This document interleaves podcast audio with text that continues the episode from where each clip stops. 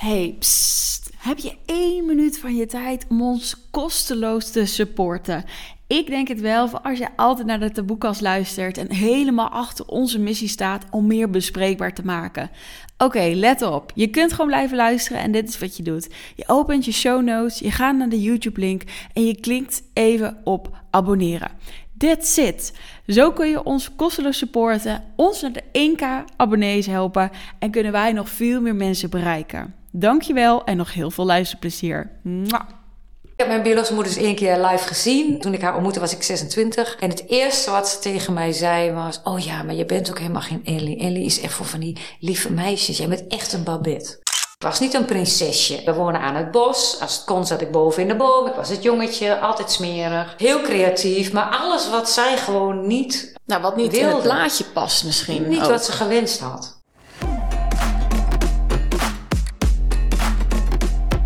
Lieve luisteraar, lieve taboe-doorbreker, welkom bij de volgende Taboekast. Yay!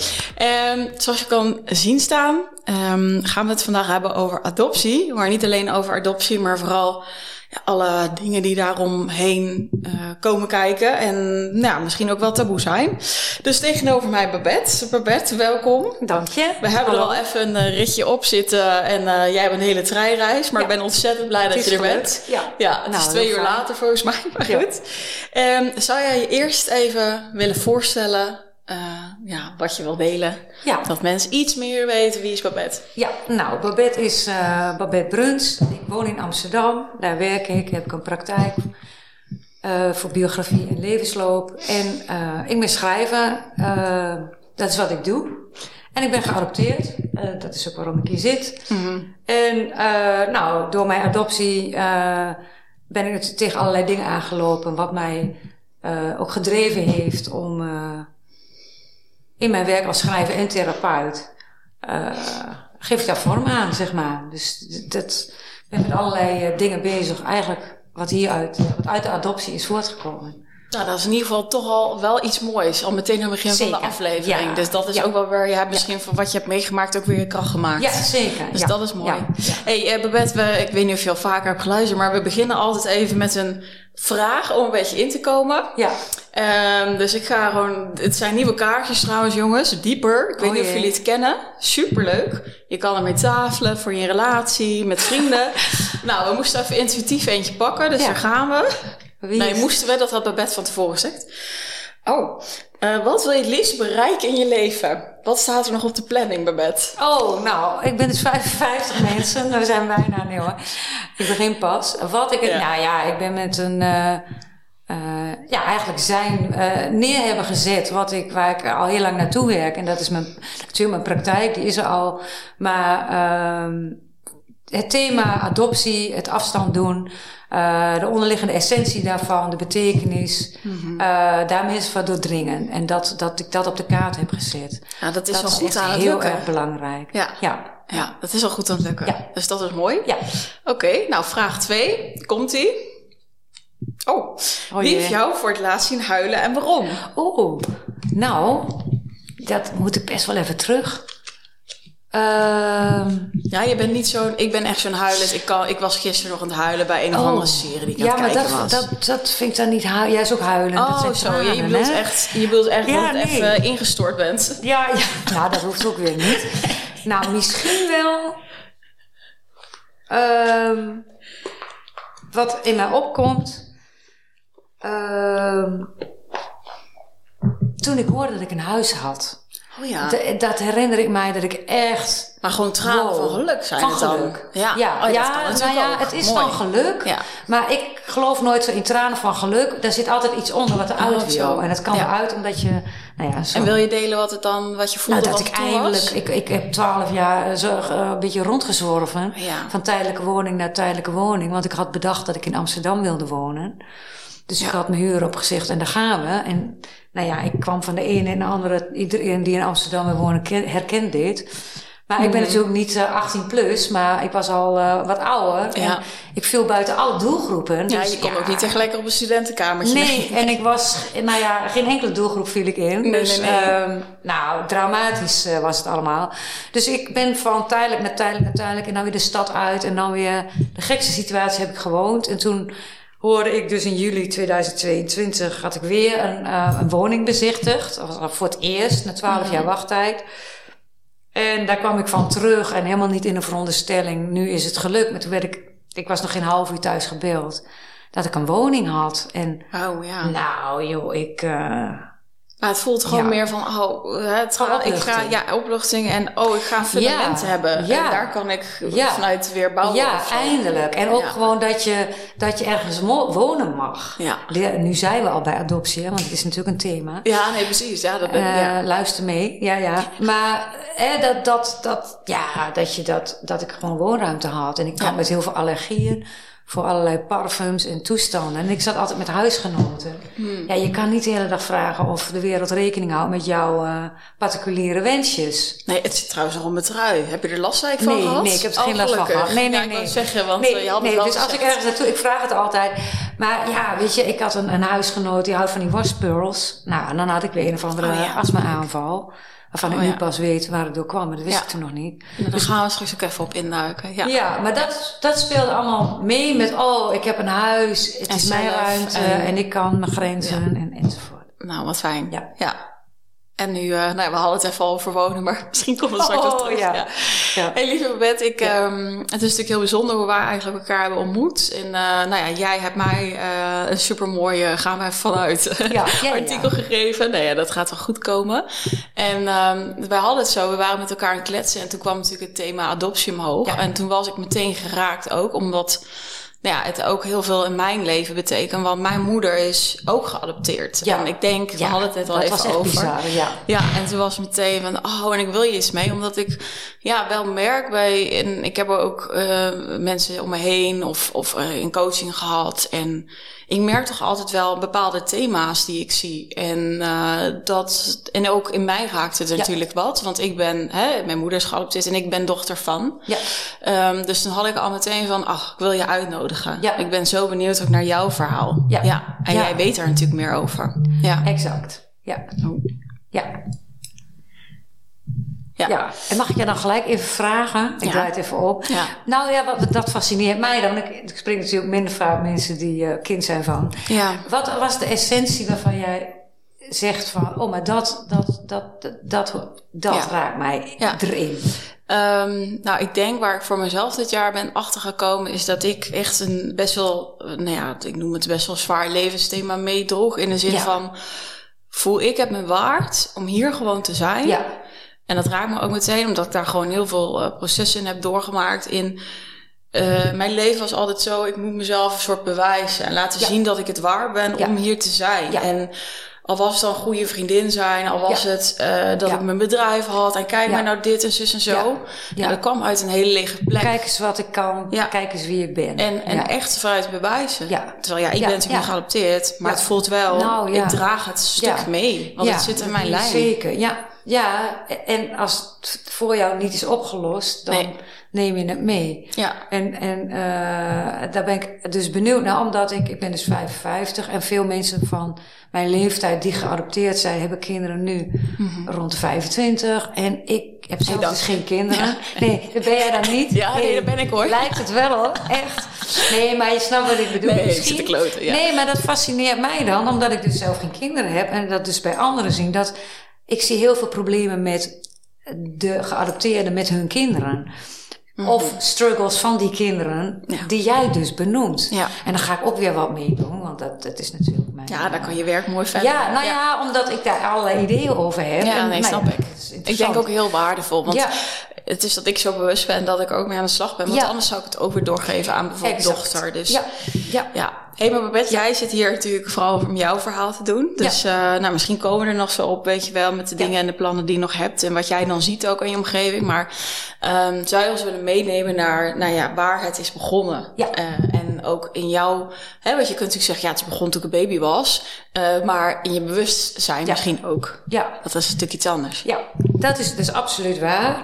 Nou, dan zou ik het eerste willen zeggen dat uh, ik ben dus geadopteerd. En het feit dat ik geadopteerd ben, dat is pas in mijn bewustzijn gekomen doordat anderen mij daarop wezen. En dat, dat is wel fascinerend. Want daar heb ik, ik heb inmiddels met veel geadopteerden gesproken. Die herkennen dat onmiddellijk, dat belletje. En, en hoe oud was je dan? En wie nou, was dan was degene die uh, de boodschap bracht? Uh, nou, een voorbeeld was in mijn puberteit. Ik zat op een jongerenkoor. En dan gingen we daarna naar de soos met bier. Dat, dat is waarom je op, op het koor zit, hè? Een katholieke, katholieke koor. En, uh, oh, dat ja, deden ja. ze toch wel, die katholieken. Ja, dat Lekker zuipen. Hè? Dat ja, heb je nodig. Ja. Dus precies, ik kom uit ik ben opgegroeid in Twente. Ja, nee, je het nog niet hebben gehoord. nee, maar dan bier, dialect, dan heb je het plaatje compleet. Ja. Uh, en dat dus, uh, bij ons in het dorp was, eigenlijk werd er niet over gepraat. Bij ons thuis, dat je geadopteerd. Ik was gewoon het kind van mijn ouders, klaar. Uh, maar dat het dus het erover ging in de, in de vriendengroep. En dat dus een vriend van mij uh, opeens zei, daardoor tegen mij zei: Oh, oh, maar dan ben je hier dus niet geboren. Toen zei ik: Nee, nee ik ben dus in Hilversum geboren. Ik ben hier niet geboren. Oh, maar dan ben je dus eigenlijk ook een buitenlander. Zo gaat het daar met En dat is in Twente gaat dat daar zo. Dus daar is buitenlander heeft niets met racisme te maken. Nee, nee, nee. Het is gewoon, dan kom je al een plaatsje Stuur verder. er niemand dan, op af, maar heb je een ander accent, dan ben je gewoon een buitenlander, punt. Ja. En, maar het, ik weet wel, want anders kom ik daar nu niet op, dat mij dat heel diep raakte. Op Mm. een of andere manier. Dat ik toch, op het moment dat hij dat zei, voelde ik, oh, maar er is dus een afstand. Mhm. Ik, ik, je hoort dan niet meer in, bij de groep. Terwijl dat helemaal, want zo, dat werd gelijk een hup, oh, babet, hololo, biertje, weet je, dan is het weer klaar. Maar toch Maar voor jou was heeft het dat anders. een uitwerking. En uh, dus op dat moment wordt je adoptie bevestigd. Mhm. Kijk, en uh, ik ben uh, Nederlands geadopteerd, ik ben blank, ik ben niet een, een kind dat uit het buitenland geadopteerd is, donker en in een gezin met blanke ouders komt. Dus je, het was aan mij niet te zien. En uh, dat heeft, uh, ja, dat kan een voordeel hebben. Uh, maar een nadeel is dat je dus, uh, adoptie, ja, je adoptie wordt dan ook ontkend. Hmm. En uh, dat, ja, en dat komt dan naar boven op het moment dat zo'n opmerking wordt gemaakt. He, dus, dus bij ons was het zo dat ik ben geboren in Hilversum. Mijn biologische moeder was uh, streng katholiek. Die kwam uit Brabant. Ik wou niet zeggen Braboland. Brabant is het. ja, ze zeggen altijd Brabo's. En, uh, en die was heel streng katholiek. En de jaren zestig kon allemaal niet. En zij is toen in Hilversum... Uh, maar het kon niet omdat ze met haar man nog niet getrouwd was? Ah ja, dat is, ze was en niet getrouwd. En de man het was, was eigenlijk getrouwd. geen... Oh, maar ik weet niet of zij dat wist want het was nog wel eentje, die man.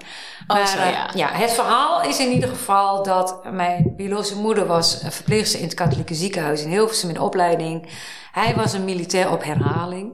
Dus daar gaat de romantiek, want ik had een heel mooi verhaal bedacht, maar dat is het allemaal niet. Het is gewoon niet Adriaan van Dis, want die had een kuiltje in de kin en was schrijven. Maar het was gewoon, dat was het allemaal niet. Het was gewoon heel plat. Elkaar ontmoet in de kroeg. Hij kwam ook uit Brabant. Ze hadden hij mee volgens het verhaal. En uh, nou, zo is het gegaan. Bam, bam, bam. En toen bam. was Babette er Ja, ja, nou, Babette heette toen nog geen Babette. Maar Oh, in ieder geval, ze was toen zwanger. Ja. En zij heeft het voor haar hele familie verborgen gehouden. Dus, dus alles om mij is al taboe. Want het kon niet, het kind mocht er niet zijn. En zij was bang dat ze uit de familie gestort zou worden.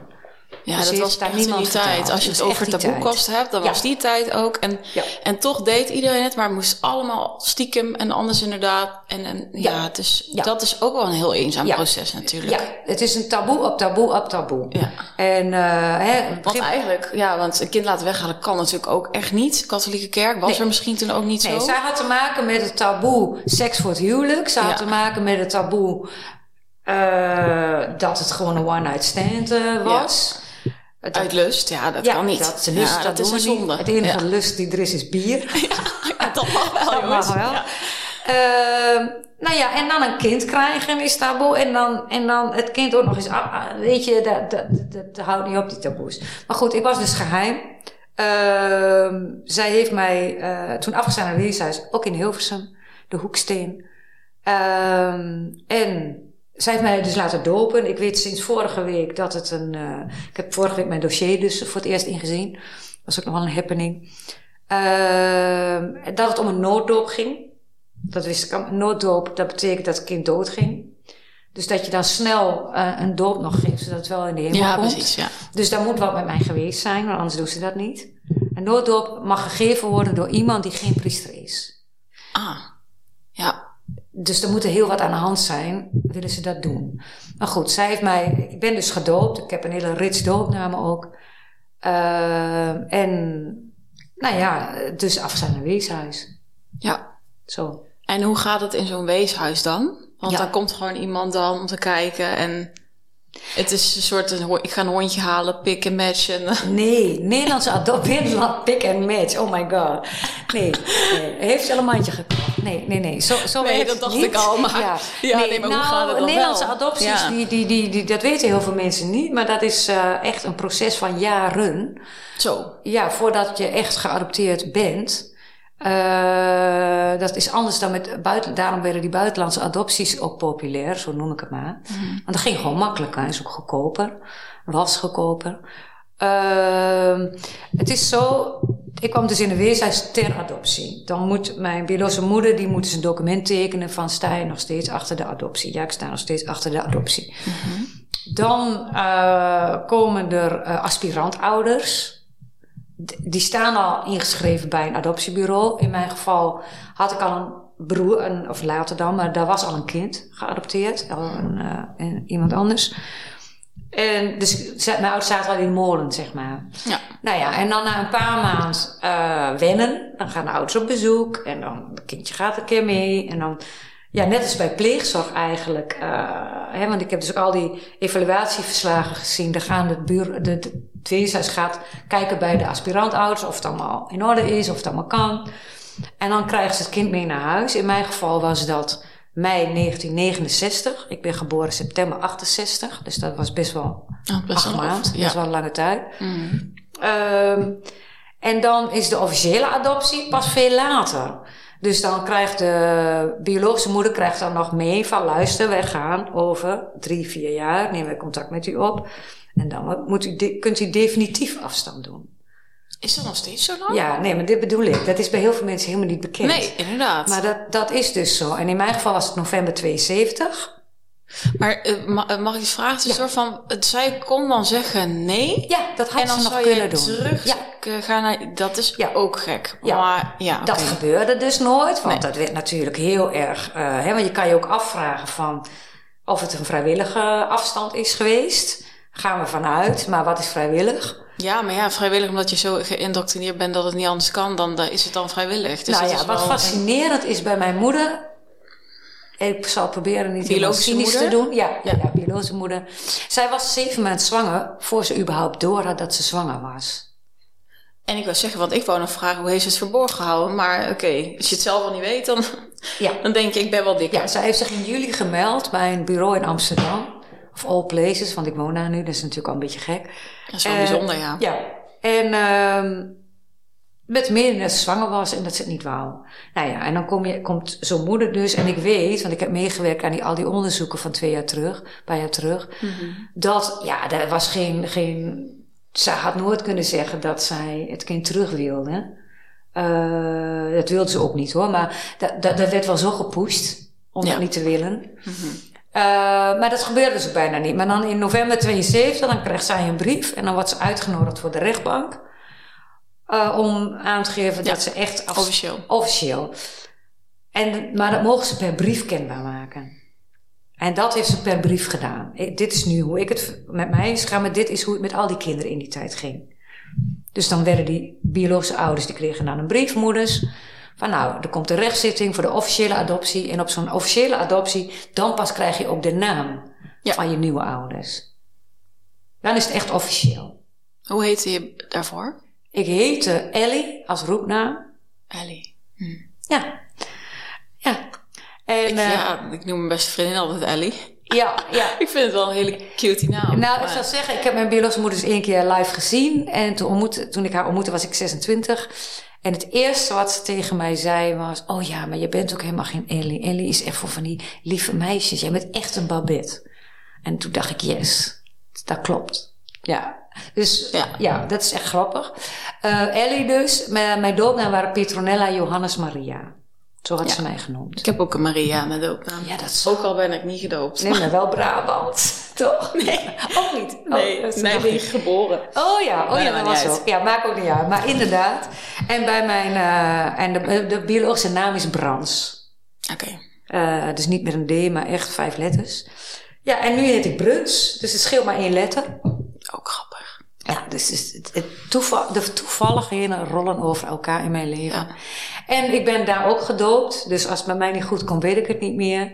Want mijn ouders die Dubbeldoop. hebben... Ja, ja, ja, die hebben mij Babette Maria Christina genoemd. En die hebben verzuimd, per ongeluk, gewoon niet meer bezig gehouden om dat officieel te maken. Hm. Dus toen ik op de middelbare school examen deed, stond ook een bordje Petronella Bruns moet hier zitten. Dus alle officiële dingen. En dat vond ik gewoon heel vervelend, omdat ik voelde mij dat allemaal niet. Uh, want iedereen noemde mij gewoon Babette en ik was uh, genoemd naar mijn peetante. En ik heb ik in 1996 heb ik uh, voor de rechtbank officieel, officieel dat laten maken. En ik voer dus ook altijd mijn initialen. Oh ja. Ook extra. Weet je trouwens dat ik Febabette Maria heet? Hoe? Febabette Maria. Nee, echt? Ja. Wat grappig. Met, oh, wat grappig. Ja. Goeie naam. tussendoor. Ja, ja, ja. ja, Maar um, ik wil vragen, want we hebben het eigenlijk over het stukje afstaan. Hè, dat voel je dan misschien toen niet zo bewust of hè, je hebt pas later ook meegekregen. Maar ik ben wel heel erg benieuwd van, hé, hey, wat, wat doet dat afstaan? Want het is letterlijk een moeder en dat, dat heb ik dus denk ik ook ergens in mijn uh, eigen ervaring gevoeld van een moeder die je afstaat.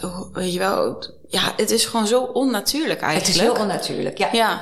ja uh, even heel kort eventjes over die adoptie. Want ja. je vraag was eigenlijk bewustzijn van adoptie. Ja. Dat ben je dus pas als de omgeving je daarmee confronteert. Ja. In mijn geval. Mm -hmm, check. En, en uh, wat betreft uh, afstand. Nou ja, wat voor mij een taboe op adoptie is, gaat eigenlijk over die afstand. En dat is dat op het moment dat je geadopteerd bent, dan begint er een nieuw leven. Dan begin je bij jouw ouders en dat is dan jouw nieuwe familie. En dan valt die hele afstand. Ja, daar gaat het eigenlijk niet over.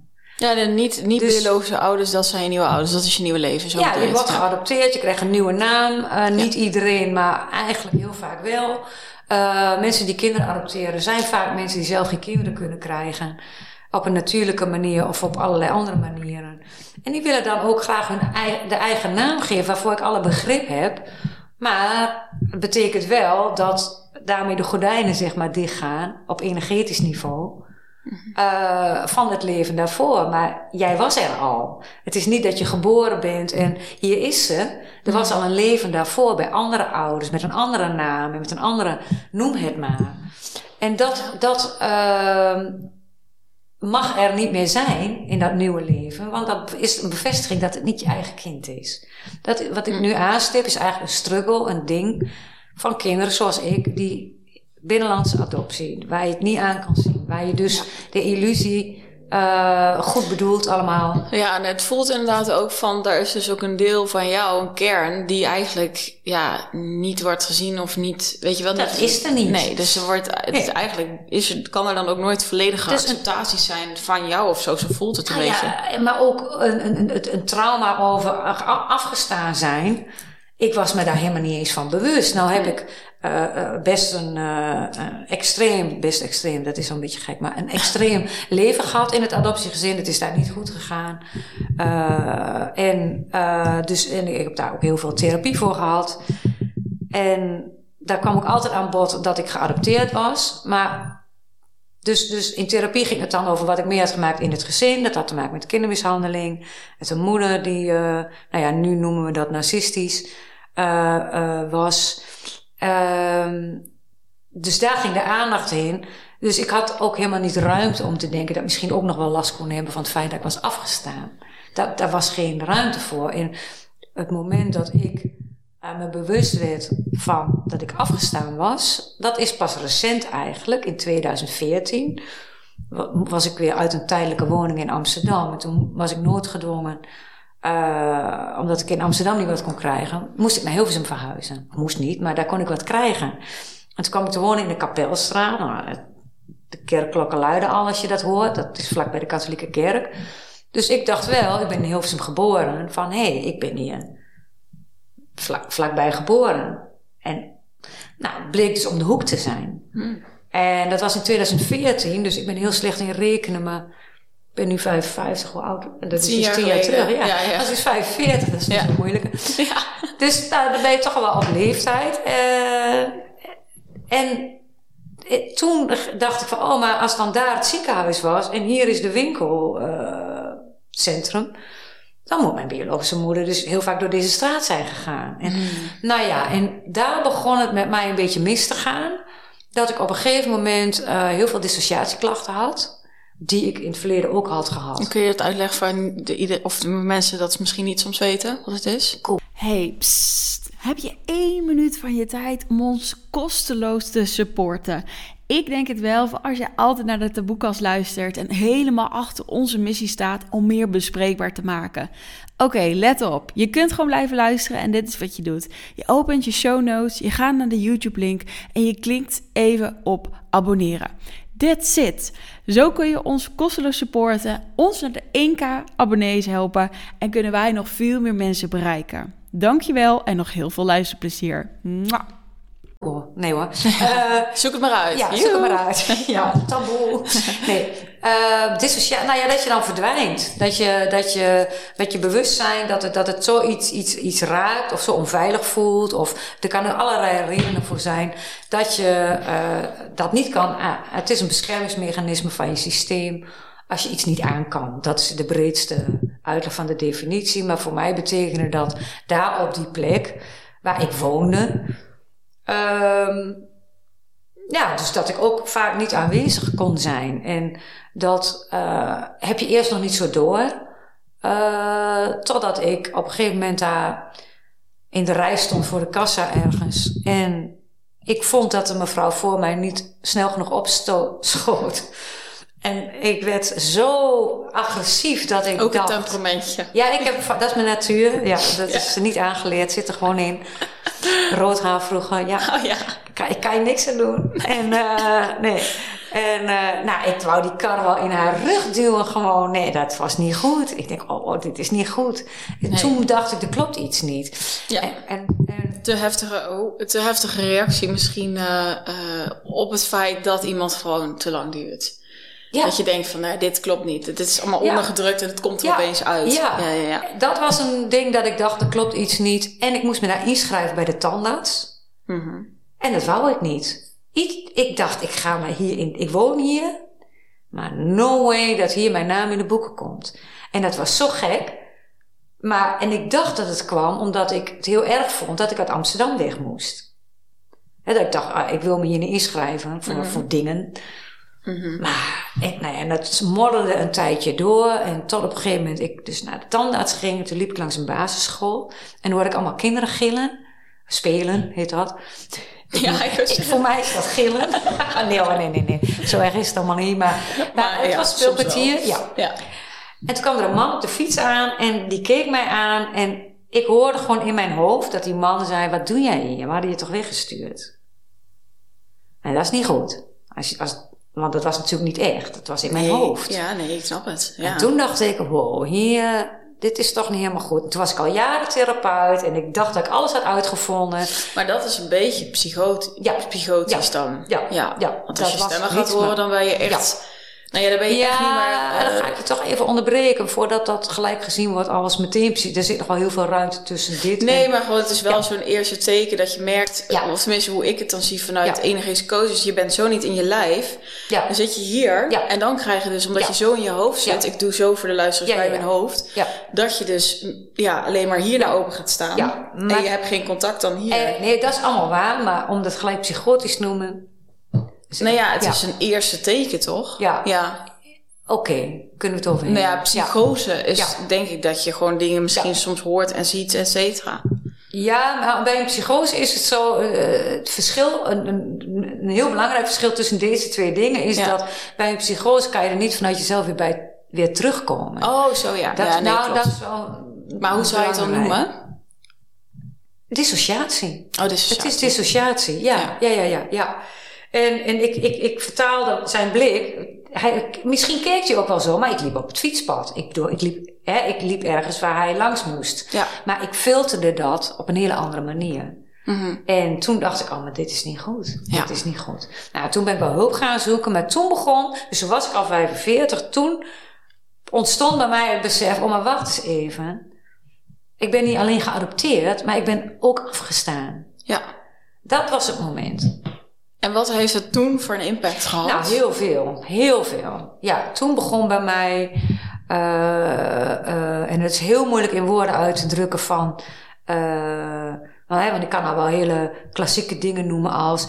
ehm, eh, ja, ja, wat die man dus je mag hier niet zijn, je bent niet welkom. Maar ik had in, mijn, in het leven in mijn gezin ook heel veel die boodschap gehad. Ik had een adoptiemoeder die echt mij niet wilde.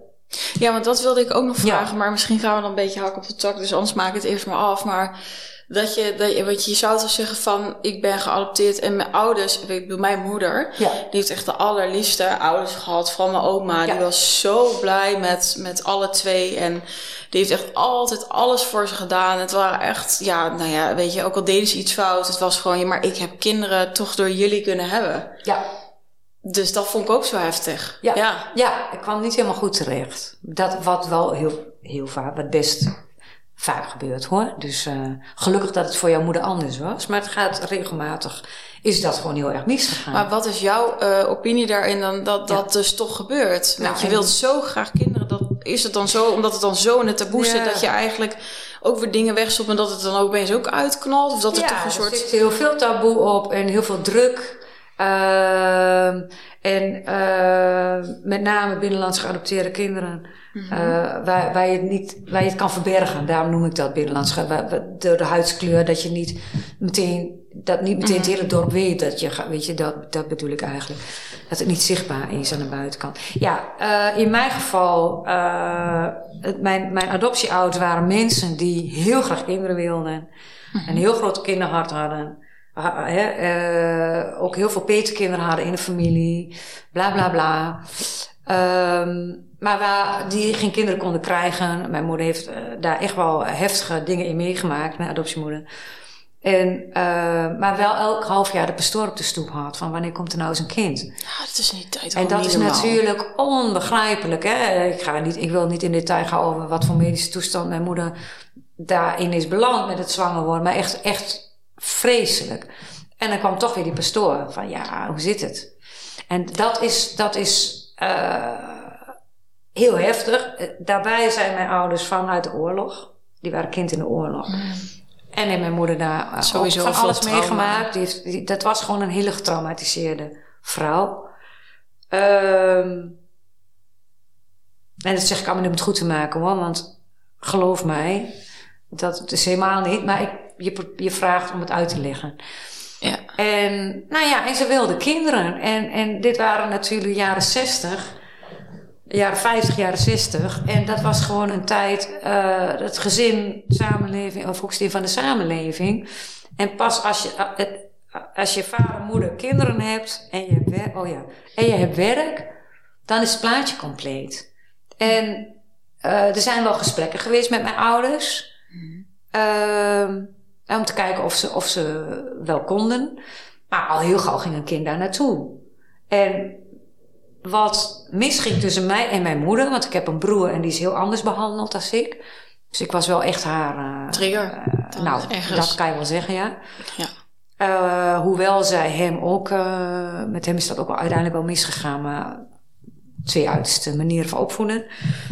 Ehm, is omdat ik een kind ben wat van nature overal doorheen prikt. En, niet, En nog steeds. en nog steeds. Ja.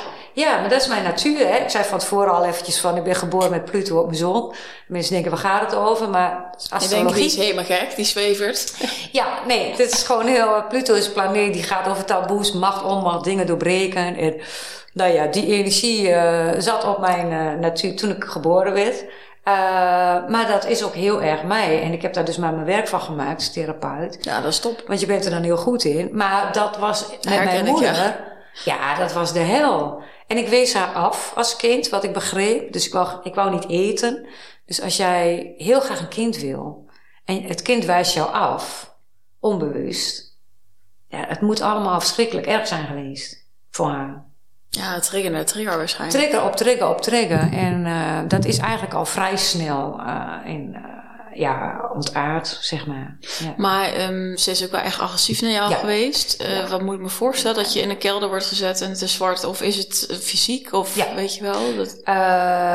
nou, fysiek ook. -huh. en dan is eigenlijk het engste ervan dat Kijk, je hebt slaan en je hebt slaan.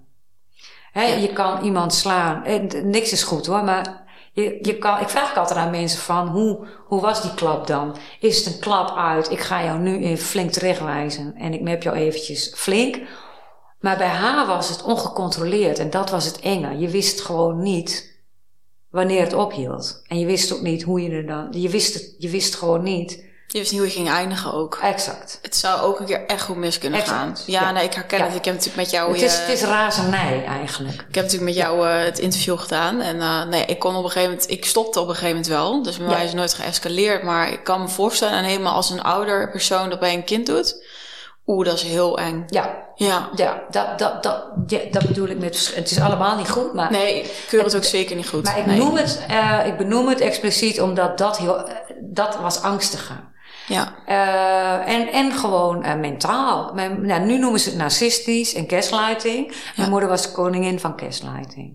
Echt afgrijzelijk. Ja. ja. en daar heb je het je rest van je leven mee te doen, ook vandaag nog. Dus ja, want het zit natuurlijk helemaal in je systeem. Altijd het twijfelen brengen. Ik zit ook erover na te denken. En ik vind het eigenlijk ook wel heftig. Uh, het sowieso voor jou, hè. Maar je hebt eigenlijk zo'n trauma op dat je geen kinderen kan krijgen. Dat ja. het je niet lukt. Ja. En dan krijg je toch een kind. En dan wijst die je af. Ja, dat ja, moet precies, toch ook enorm met triggers zijn. Want het is al eigenlijk... Exact. Want wat ik vaak... Wat nu tegenwoordig ook misschien vaak is... Is dat... Hè, um, of tenminste... En dat ook zonder oordeel, hè, maar... Uh, en ook is heel iets anders, maar uh, hè, als je miskraam uh, hebt, dat je ook al heel snel naar een volgend kind gaat. Ja, terwijl hè? je misschien ook heel veel verdriet hebt. En dat zit er natuurlijk daar Ja. ook heel erg in. En dat kan niet dat het eenmaal... En, oh, ik heb nu een geadopteerd kind, dat is weg. Zo werkt dat natuurlijk Nee, niet. nee, helemaal, nee. Nee, en, en het was wel een andere tijd, hè. Ja. Uh, en, ja, en, nee, sowieso qua Nou, dat, therapie en zo, dat met, was en met verwerking. niet. Ja, ja, ja. En mijn moeder wilde gewoon heel erg graag. En ze was heel onzeker. Ze kwam uit een uh, arbeidersmilieu, Hmm. maar dan uh, arm, arm, arm, arbeidersmilieu. Ja. Was met mijn vader getrouwd. Da daar was het iets anders. Ze hadden een groot bedrijf.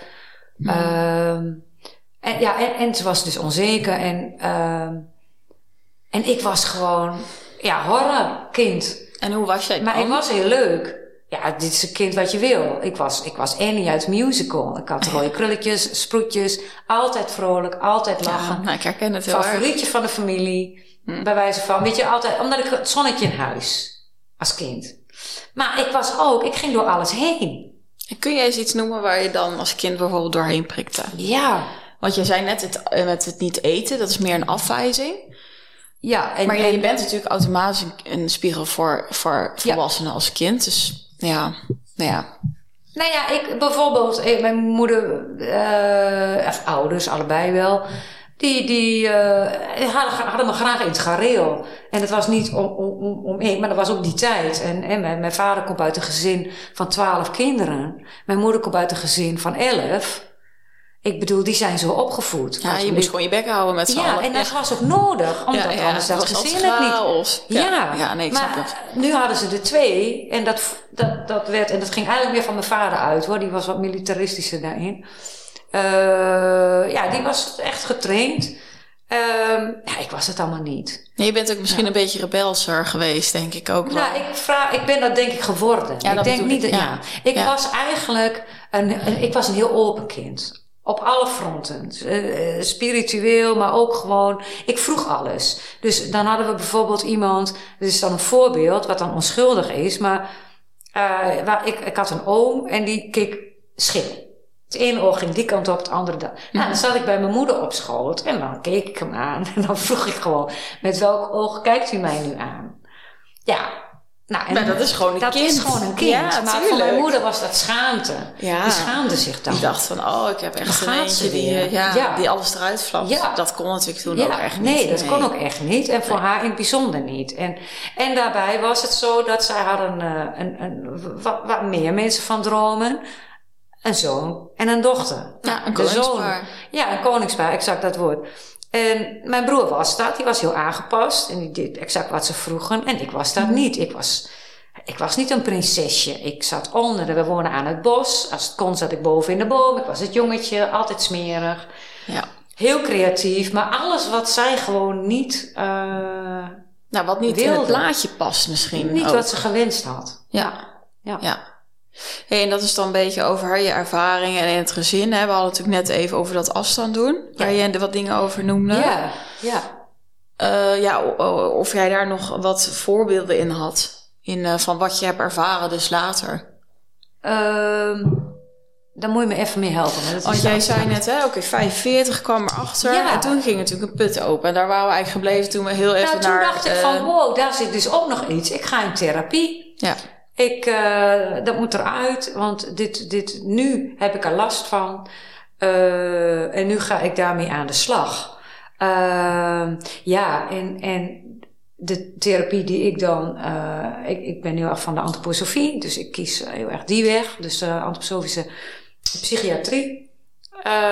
en dan ga je niet van, oh, ik ben afgestaan, we gaan daarmee aan, naar wel gesprekken. Mm -hmm daarover gehad, maar ja, het is een beetje lastig. Maar hoe voelde het? Ja, hoe, hoe voelt het? het? uiteindelijk als je dat dus dan zo, het klikt, je denkt, oh, dat is er. Wat ervaar je dan? Nou, hoe kijk je terug naar je leven dan? Uh, nou, dat, het er invloed op heeft gehad, snap je? Wat, waar ik last van had, was dat ik de denkmolen niet kon stoppen. Van, oh, maar ze hebben me met de trein opgehaald bij de adoptie. Mm. Dat hebben ze hier gedaan. Dus het had heel erg te maken met dat ik daar op die plek woonde. Mm. Waar ik waarschijnlijk ook gedoopt was, want ik woonde tegenover die, die, die kerk. Nou ja, het bleek allemaal niet uh, in een ziekenhuis zijn gebeurd. Maar daar had ik last van. En uh, ja, ontreddering kan ik me voor de geest staan. Gewoon een ontreddering. Maar niet van, ik mag er niet zijn. Want dat ik mag er niet zijn, dat was mij door mijn adoptie. Snap je, voor mij is het moeilijk om die te scheiden van wat welke last heb ik door wat? Nee, maar dan, eh, of, of trekken we naar beneden van, hé, hey, wat heb jij uiteindelijk in jouw leven ervaren wat thema's waren, waarvan jij zegt, dat heb ik wel uh, door de adoptie, denk ik, dus zo ervaren? Ja, uh, misschien kan ik een fragmentje ja, voorlezen. Zeker. Ja, want, uh, misschien moet je even zeggen hoe het heet. Nou, dat is... dat is wel leuk. En even met de camera, dan kunnen mensen het ook zien. Ja, dit is het boek, een boek wat ik schreef in 2000, eigenlijk na die periode in die periode dat ik dus ontdekte van... Uh, hey, je bent dus niet alleen geadopteerd, maar je bent ook afgestaan. Uh, toen was ik eigenlijk in een fase dat ik dacht... ik ben wel een beetje klaar met uh, continu getriggerd worden door het verleden. Ik, ik, kreeg in mijn werk heel veel problemen, want mijn lontje werd uh, steeds korter. Dat is niet goed. Vinden mensen niet fijn. En toen dacht ik, ja, maar ik ben ook therapeut. Dus weet je, ik wil een boek schrijven over om zichtbaar te maken wat kindermishandeling in een volwassen leven teweeg brengt. Want als je in je werk niet meer functioneert, dan ga je naar de arboarts. En die gaat het dan over allemaal dingen hebben waar je last van hebt, maar helemaal niet waar het vandaan komt. En uh, omdat ik natuurlijk ook geadopteerd ben, kan ik dat er niet buiten laten. Het is een soort slagroom op de koffie, zeg maar. Ja. Uh, toen heb ik dus dit boek geschreven, dat heet Het Verwenste Kind. Het is een mijn autobiografie, ook mijn foto die je daar ziet. Uh, die is geschreven vanuit drie perspectieven. Het eerste perspectief uh, in chronologie, dus eigenlijk mijn levensverhaal in fragmenten. En dan eerst dan lees je een fragment over wat er met dat kind gebeurd is. Het volgende fragment reageert daarop. Dat is de volwassen Babette in dit geval. En aan het eind van het hoofdstuk komt er nog een beschouwing van uh, mijn therapeutische visie op dat thema. Ja, mooie drieluik. Echt. Ja, ja, ja. heel bijzonder. En uh, dus, dat, dus het is geschreven voor beroepsbeoefenaars, ervaringsdeskundigen enzovoort.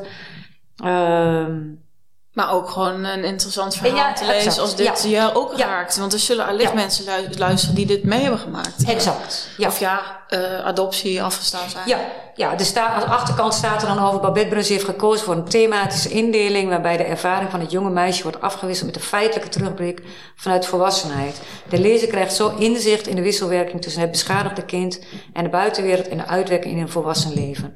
Nou, dat was dus ook de bedoeling uh, van dit boek... En wil je een stukje voorlezen? Want we zijn bijna uh, op uh, drie kwartier. Dus ik denk dat dat een mooie afsluiter is voor deze week. Dat is goed. Dan ga ik lezen uit het antwoord op jouw vraag. Hoe is dat? De beleving van je, uh, dat je afgestaan bent en geadopteerd. En in het fragment wat ik nu voorlees, richt ik mij tot de baby die ik natuurlijk was. Vanuit, Vanuit volwassen, volwassenheid. ja. Mooi. Uh, je dobberde rond in je moeders buik, meer dan zeven maanden lang, zonder dat iemand wist dat je daar zat. Reageerde, reageerde op geluiden en licht. Niemand die je hoorde, gewoon omdat niemand wist dat je er was. Was het eenzaam?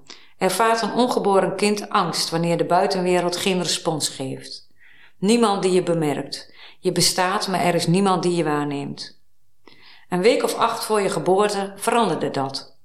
Je moeder werd zich bewust van leven in haar buik. Ze voelde je in haar lichaam. Haar eerste kans op contact met jou. Een kans die ze niet nam. Waar jij haar zocht, zocht zij naar wegen om van je af te komen. Niemand mocht weten dat je bestond en zij wilde ook zo snel mogelijk vergeten. Toch werd je geboren, zichtbaar in het levenslicht. Koud in de wereld zocht je naar het enige herkenbare. Je moeders warmte, haar geur, haar stem. Maar er was niets en het zou er ook nooit meer zijn. En toen daarna je adoptieouders. Wat keken ze uit naar je komst? Ze waren oprecht blij en benieuwd. Om het kind. Een dochter waar zoveel jaar naar was verlangd. Niet per se om wie jij was.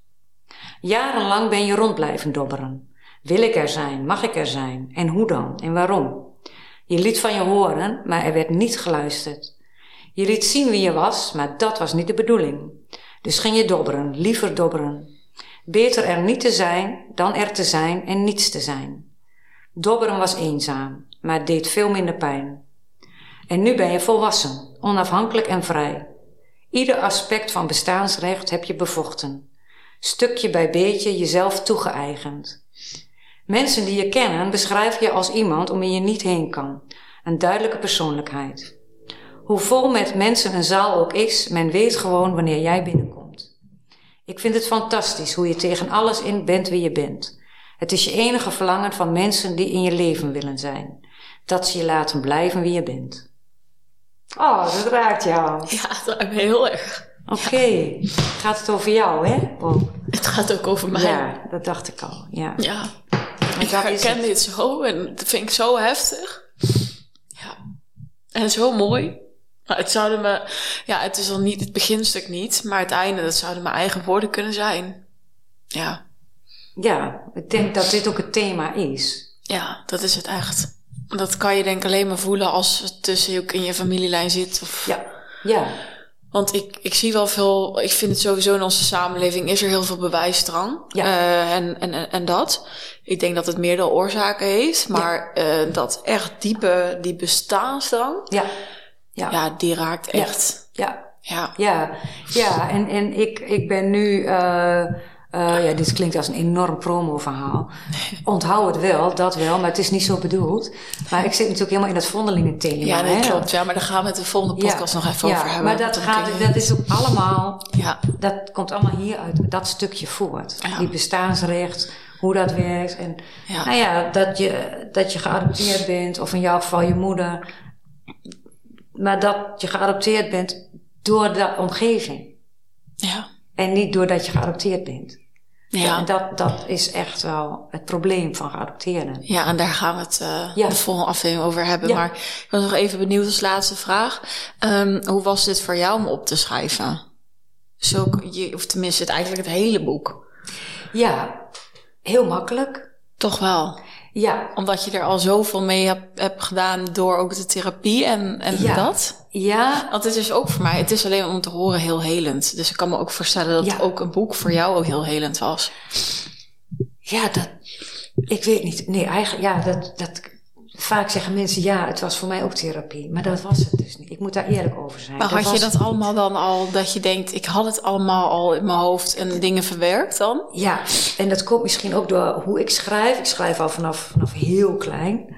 Eh, dus dat is dan het talent. Dus Ja. ik schreef niet een boek, om, om, maar ook omdat ik dat is wat ik moet doen, denk ik. Mhm. Ehm, en ik heb het in drie weken.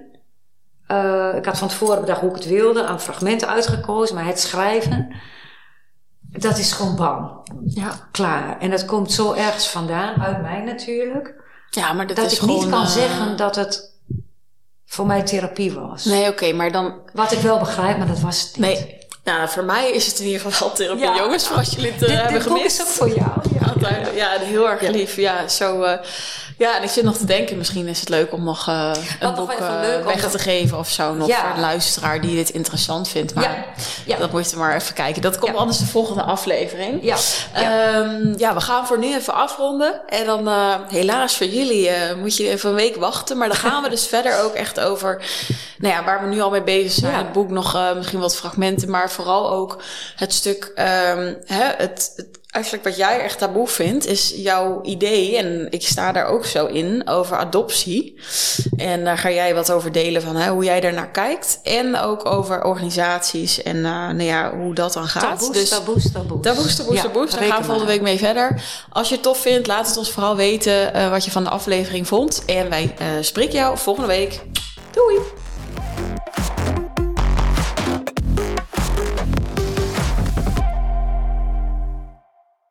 Hey. Heb je één minuut van je tijd om ons kosteloos te supporten? Ik denk het wel, voor als je altijd naar de taboekast luistert en helemaal achter onze missie staat om meer bespreekbaar te maken. Oké, let op. Je kunt gewoon blijven luisteren en dit is wat je doet. Je opent je show notes, je gaat naar de YouTube-link en je klikt even op abonneren. That's it. Zo kun je ons kosteloos supporten, ons naar de 1k abonnees helpen en kunnen wij nog veel meer mensen bereiken. Dankjewel en nog heel veel luisterplezier. Mwah.